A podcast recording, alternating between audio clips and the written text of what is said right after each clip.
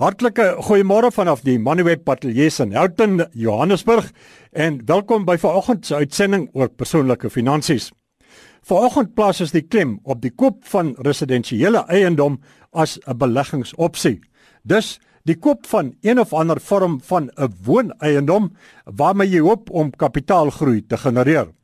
En dit gedagtig aan die afgelope maande se skerp afplatting in huisprysgroei wat met die uitsondering van veral die Wes-Kaap in groot dele van die land negatief geswaai het en dus gunstige kopgeleenthede kan bied. Daarbenewens gee ons ook groter duidelikheid oor die hoogs omstrede kwessie van nuwe huiseienaars se verantwoordelikheid rakende bestaande munisipale skuld op 'n nuut gekoopte eiendom. Omdat die program vooraf opgeneem is, kan ons vanoggend ongelukkig geen luisteraarsvrae beantwoord nie. Ons begin met die koop van residensiële eiendom as 'n beleggingsopsie. Ons gas vir die vraag beantwoord is Dani Venter, raadgewende vernoot by Citadel Welvaart Bestuur. Goeiemôre Dani. Goeiemôre en dankie vir die geleentheid vir om met jou luisteraars te gesels vandag. Dani, kom ons begin by die stand van sake in die binnelandse residensiële eiendomsmark. Tot watter mate het die huismark prysgewys die afgelope maande afgeplat? Die laaste nommer wat ek jaar op jaar gesien het wat onlangs was, was omtrent so 20% af in die mark. Uh maar dit was meer meer doel op op tweede eiendomme wat deur die FNB indeks deurgegee is. So dis die laaste deel wat ek gesien het. En die agtergrond wat ek toe klompie vrae van my kliënte af ontvang het, is is daar geleenthede in daai mark en en wat se goed moet ons na loer? En ehm um, dis wat ek deurgegee het uh, as 'n as artikel vir vir die media span. Waar sal mense onder die omstandighede na geleenthede gaan soek? Uh, dan nie goeie koppies gaan soek. Ek het uh, wel die paar geleenthede wat ek op my op my voorstel gesien het wat verbygekom het was onlangs George omgewing. Uh dit lyk my daar's 'n verskoon in Engels, Hangel Hassel en 'n Passel in daai omgewing. Ek weet nie of al die geldtengers daai kant toe wil trek nie, maar die ander omgewing wat mense wat baie van die mense van praat is Pretoria Noord op die oomblik met die BMW uh voertuig voertuie uh plek waar daar bo uh, wat al die voertuie maak vir die verkente. Kom ons beweeg aan na die koop van wooneiendom as 'n beleggingsopsie. Op watter maniere kan die soort van eiendom beleggings uh, aangewend word om finansiële groei vir die eienaar te bewerkstellig? So wanneer jy 'n eiendom aankoop, is daar twee groeie wat mense na na teiken. Die eerste is die van kapitaalgroei en die tweede is die van huurinkomste om jou inkomste wat na die familieeenheid inkom uh, te verhoog. So albei elemente moet krities na geloer word as mense eiendom koop. Baie mense koop 'n strandhuis en dit is dan meestal van die kere 'n kapitale groei teiken teenoor 'n huurinkomste 'n teiken waar mense 'n studente behuising koop vir studente. So albei elemente dra groot voor 'n voordeel by in finansiële beplanning en en portefeulje samestelling en maar mens moet 'n strategie hê na die benadering van hierdie eiendom aankoop. Danie, hoeveel groei kan op 'n die manier bewerkstellig word? Uh daar is geleenthede waar mense uh netto huurinkomste kry van van 10% op 'n eiendom, maar weer eens dit hang af hoe hard mens werk op daardie eiendom. Mens dit begin altyd by uh Warren Buffett se filosofie, dit hang af die prys wat jy die die eiendom verkoop wat dan uh tenselig jou jou opbrengs sal sal uh, sal bepaal. So mens kan 'n duur eiendom gaan koop, hopelik kom mens dan by uit om om die soortgelyke inkomste te kry om vir jou 'n goeie opbrengs te gee in in die vorm van rente, maar die mens moet die benadering van die van die aankope baie baie mooi evalueer en 'n finansiële beplanner kan gewoonlik met hierdie berekeninge help. Danny, jy het 'n verslag opgestel waarin jy 6 faktore uitstippel waarop uh, voornemende beleggers moet let voordat hulle 'n wooneenheid vir beleggingsdoeleindes koop. Kom ons neem hulle so tyd saam, een vir een en dan uh, praat ons deur al die ses. Is 100%. So punt heel eers heel eerste punt op my lysie sou altyd gewees het daar's 'n huurinkomste wat gegenereer word deur die eiendom. Meer gereeld van die tyd is daar 'n uh, ekstra boonopbetaling wat van die eienaar moet ingaan. Met ander woorde, as ons 'n eiendom koop vir sê nou maar 'n miljoen rand en ons kan 'n huurinkomste kry van 10000 rand 'n maand, is daar nog steeds fooie munisipale rekeninge en ander kostes wat betaal moet word deur die eienaar homself. Die eiendom breek gewoonlik nie gelyk in die eerste jaar nie. Die gemiddeld wat ek sien is die eiendomme gebreek gelyk gewoonlik in jaar 6 tot jaar 8 weer eens hang af van die aankoopprys, hang af van die huurinkomste en ook die verhoging in die maandelikse uh, die jaarlikse huurinkomste wat deurgegee word na die huurder toe. So die eerste punt is krities is evalueer die inkomste wat gegenereer word deur die eiendom en die behoeftes wat jy moet aanvul uit jou persoonlike sak. Goed, dan gaan gerus aan. Wat is punt nommer 2? Punt nommer 2 is uh, daar moet 'n noodfonds gestig word. Nou gewoonweg wat ek voorstel vir kliënte wanneer hulle kyk na om 'n eiendom te koop, is om vir die bank te vra vir wat die Engels persoon sal sê 'n access bond.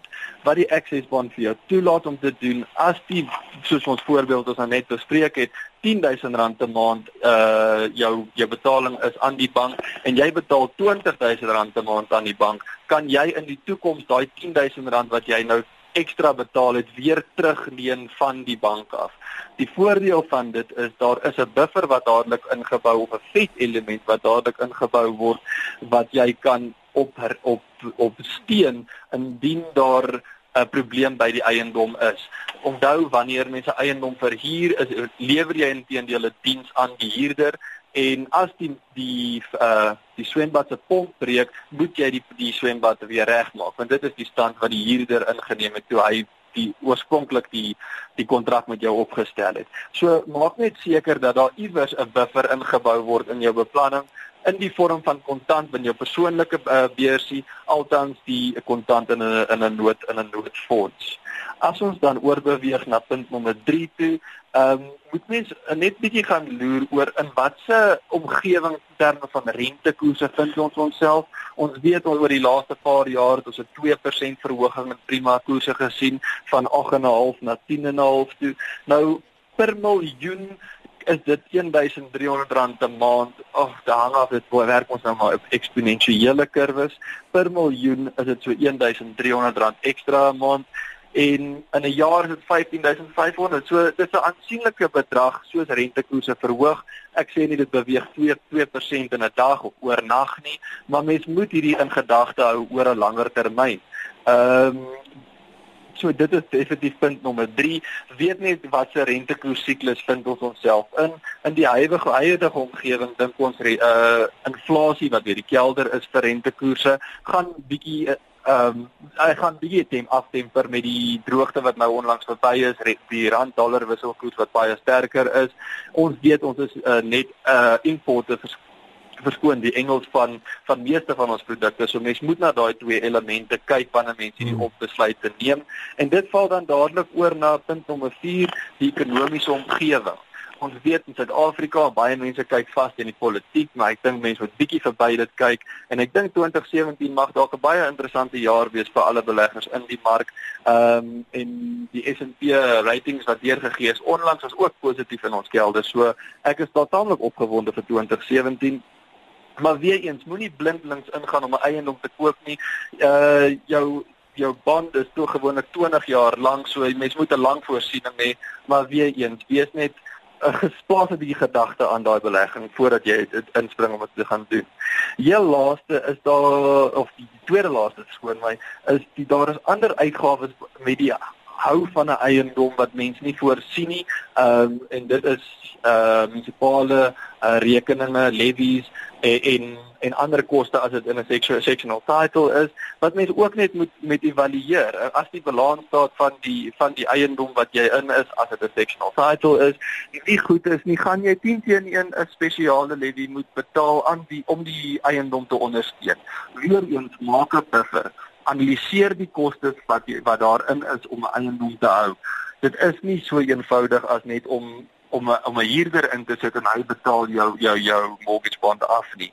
Dan heel laaste voordat mens enige van hierdie besluit maak, voordat mens in 'n enige belegging gaan, evalueer die likwiditeit van daardie belegging om hierdie jare eiendom 'n huureiendom in te koop in jou portefeulje en om net 2 jaar van later 2 jaar in in in die program in te besluit nee maar ek wil eintlik eiendom op die beurs besit of uh direkte aandele besit of buiteland aandele besit die eiendom is nie baie likwid nie en daar's kostes om, om om eiendomme te koop en te verkoop. So weer eens daar's 'n groter prentjie, ons baie dinge dinge wat wat kop gegee moet word aan en mens moet maar hierdie goeders evalueer in die groter groter prentjie. En dit was maar die groot 6 punte wat wat na die vuis toe gekom het toe ek met my kliënte gespel gesels het. Weereens, dit is alles deel van 'n strategie, weereens alles deel van 'n beplanning langtermyn vorentoe.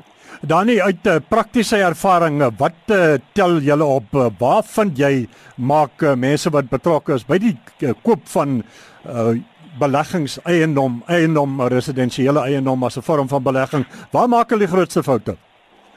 Ehm um, baie van die kliënte wat daar's twee van groot foute wat na die wat ek van gehoor het alreeds is baie van die mense hoor dat die trust die beste eie uh, uh struktuur is om eiendomme in te koop. Ja, vir partygeleenthede is dit definitief die saak, maar dit is 'n koste 'n ekstra koste wat mense implementeer in 'n portefeulje as mens eiendom in 'n trust insit, gaan die portefeulje van die kliënt groter wees as die boedel uh die boedelbelasting wat wat ter sprake is by dood en so meer. So dis punt 1, watter struktuur moet gebruik word om daai eiendom te koop? Punt nommer 2 is ehm um, 'n noukeurige aandag gegee het aan die ses elemente wat nou net bespreek is. Likwiditeit is definitief 'n groot een en baie van die mense wat die van die persone ehm um, lewe op die drempel van dit gaan dit maak of dit gaan nie dit maak nie. So met ander woorde as rentekoerse vinnig beweeg, is dit nie bekostigbaar vir hulle om daai eiendom nie. Onthou en altyd as mens hierdie eiendomme hou, die huur verander jaarliks. Jou inkomste, persoonlike inkomste verander jaarliks. So as inflasie so vinnig skiet soos wat ons nou onlangs beleef het in ons mark, jy kan nie net daai direk oorhandig aan die aan die huurder dadelik nie. Jy kan dit eers 1 jaar later oorhandig. En weer eens ander onbeplande uitgawes dit het dieselfde element in. Dani, benewens die punte wat jy reeds genoem het, uh, risiko's wat ter sprake is, wat sal ander risiko's uh, gaan gepaard met die soort belegging? 'n Mens dink byvoorbeeld aan uh huurders wat jou eiendom verniel. Ja, definitief, daar is huurders wat mense eiendom verniel en dit is nooit 'n aangename uh gedeelte om om, om mee te werk nie, maar daar is soos die Engelsman verskoon my uh, uh reël sê the higher the risk the higher return. Dit is 'n ander element om eiendomme te hou in jou persoonlike hoedanigheid is nie 'n genoteerde eiendom nie. Daar is moontlikheid van 'n hoër opbrengs in die portefeulje, maar jy moet weet daar's ander risiko's betrokke soos jy nou genoem het, 'n persoon wat jou eiendom delig kan bestadig. Danie, as mens eiendom koop, eh, dan is dit 'n groot klomp geld wat ter sprake is. Wat sou jy sê, sou dit te wys wees om self hierdie koop en verkoop transaksies te dryf of dan jou koop transaksies of sou 'n mens in so 'n geval waar soveel geld ter sprake is uh, met eh, 'n uh, finansiële adviseur moet saamwerk om uh, daarom seker te maak dat daar 'n tweede en 'n derde ordentlike opinie is wat saam met uh, die besluit gaan? Ek dink jy slaan jy hit the nail on the head soos die Engels persoon sal sê jy sê dit perfek reg hierdie besluite moet gemaak word met 'n persoon wat jou kan ondersteun, 'n finansiële beplanner wat goed gekwalifiseer is wat eintlik die nommers vir jou kan hardloop en vir jou ondersteun met jou besluitneming. Onthou dit is die gewoonlik bestuur finansiële adviseurs nie eiendom portefeuilles vir kliënte nie. Hulle kan net vir hulle adviseer op daardie portefeuilles en watse elemente hulle moet na kyk en dit is die kruk van van van die beginsel van eiendom koop en nie koop nie. As jy dit nie verstaan nie, kry definitief iemand vir jou om jou te ondersteun met die besluit wat jy wil maak. 'n Laaste vraag veronderstel mense nie kans vir direkte beleggings in residensiële eiendom, maar jy's tog gretig om in die eiendomsmark eh, te belê. Watter ander opsies is daar dit hang af van die kwantum van die belegging. So as mens praat van jy het 'n miljoen rand wat jy in 'n uh, by jou het wat jy wil belê, sal ek definitief sê ek gaan kyk na direkte eiendom uh aankope op die beurs. As jy nie groter geld het nie, gaan kyk na 'n uh, soos die Engels persoon sal sê exchange traded fund. Die rede hoekom ek dit illustreer is nie dat een beter is as die ander een nie. Een punt nommer 1 is jy koop daai bateklas in jou portefeulje in en hy moet 'n spesifieke doel in jou portefeulje nakom. Punt nommer 2, die koste om aandele te koop en te verkoop is taamlik hoog in die Suid-Afrikaanse omgewing en daar is minimums wat uh, wat gehandel uh, moet word voordat jy verby die minimum uh, randwaarde kom. En dit is wat jy wil voorkom as mens as mens die direkte eiendom op die beurs gaan verhandel. Danie baie dankie vir jou deelname aan uh, vanoggend se uh, program oor persoonlike finansies. Bitter dankie. Alles van die beste. Dit is dan die einde van ons gesprek oor residensiële eiendom as 'n beleggingsopsie.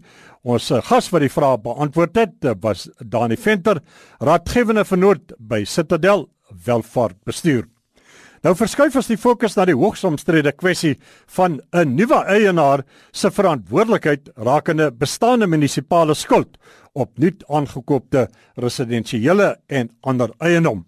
Ons praat met Meyer de Waal, direkteur by Meyer de Waal Prokureurs oor 'n onlangse Hooggeregshof uitspraak in die verband. Goeiedag Meyer. Goeiedag. In 'n netedop, wat is die geskilpunt wat hier te sprake is rondom die verantwoordelikheid vir bestaande munisipale skuld?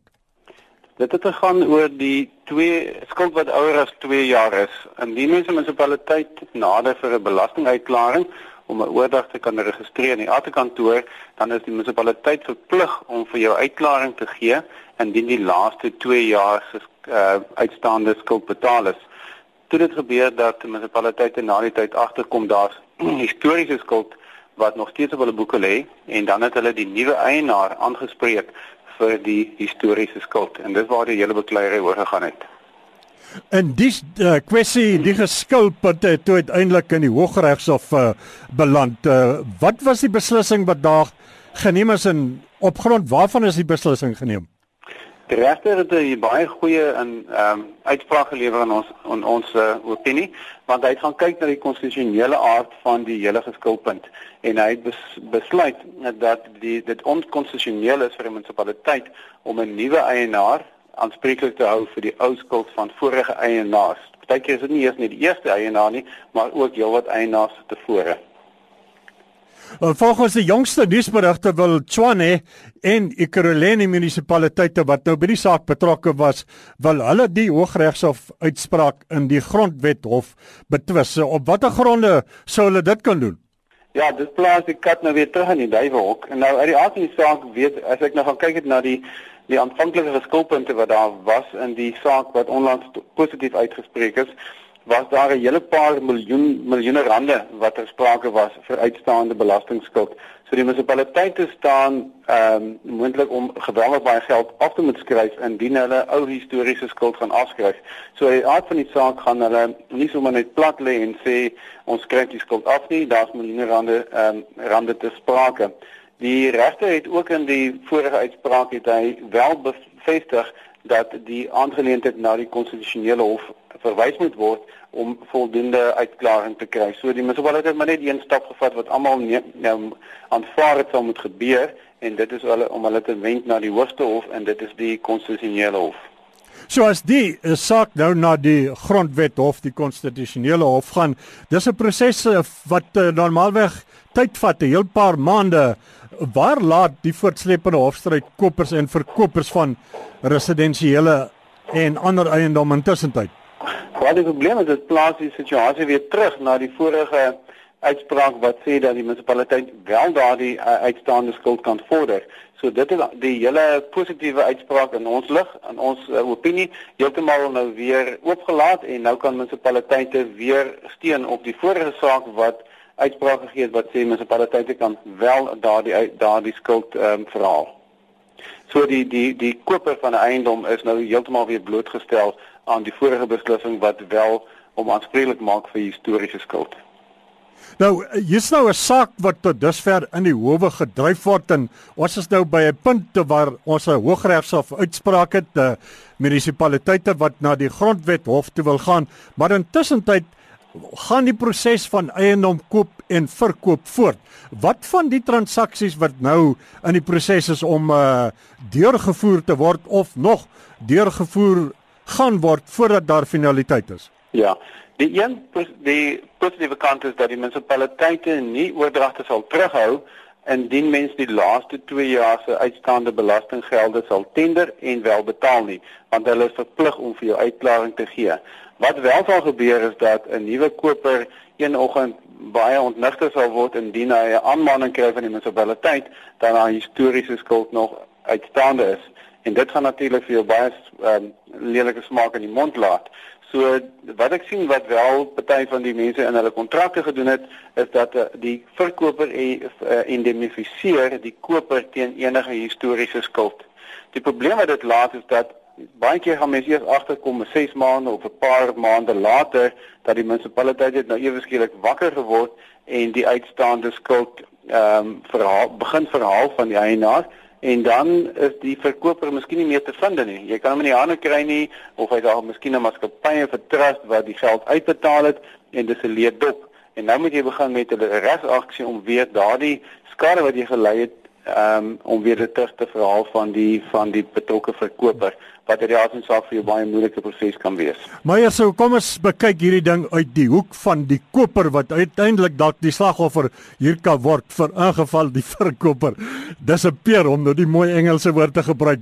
Wat staan 'n koper te doen om homself te verskans teen potensieel verskuilde munisipale kostes wanneer hy by 'n betrokke transaksie of wanneer hy by 'n transaksie betrokke raak? Die een manier is om definitief kontraktueel te onderneem dat definitief staande die uitreik van 'n munisipale uitklaring dat die verkoper steeds aanspreeklikheid sal behou. Maar soos ons net nou gesê het dat indien indien die verkoper op die einde van die dag blyk soos hulle in Engels ook sê 'n man of straw to wees wat geen bates het nadat die transaksie plaasgevind het nie, dan sit die koper maar weer hoog en droog al het hy ook 'n uh, baie sterk kontrak met die verkoper. Die ander manier is om terug te gaan na die munisipaliteit toe en dan vir die munisipaliteit uh dokumente probeer uitkry uit hulle, maar dit is ook baie moeilik want as die munisipaliteit se rekords nie op datum is nie en hulle kom eers miskien 'n paar maande later agter hulle het vergeet om gelde in te vorder, dan gaan jy 'n skoon uitklaring kry by die munisipaliteit of hmm. geen uitstaande nie en dan um, gaan dit baie moeilik wees om die munisipaliteit dan weer te probeer weer lê dat jy nie daar geld dat die eiendom nie die geld verskuldig is aan nie. So dit plaas die die kopers in 'n geweldige moeilike probleem. Dis veral wanneer mense eiendomme koop wat hulle op veiling koop of insolvente boedels wat daar moontlike historiese skuld opgebou het en eintlik het niemand geweet daarvan nie of die insolvente persoon het verdwyn en die dekorateur met die boedel gewerk. Dit is 'n groot probleem inderdaad. Ons het gekyk op 'n stadium hmm. of daar nie 'n versekeringsproduk is wat dit kan dek nie. Die probleem is net jy weet nie hoeveel versekerings jy moet uitneem nie want um, in party van daai gevalle was daar 'n paar miljoen rand uitstaande in uitsta agterstallige belastinggelde. Meyer, baie dankie vir jou deelname aan uh, vanoggend se program. Groot plesier, dankie vir die geleentheid. Dit was Meyer de Waal, direkteur by Meyer de Waal Prokureurs oor die omstrede kwessie van agterstallige munisipale skuld op nuut aangekoopte residensiële en ander eiendom. En uh, dis dan die einde van vanoggend se Moneyweb persoonlike finansies uitsending. daarmee skakel ons terug vanaf die Moneyweb ateljee na die RSG ateljee.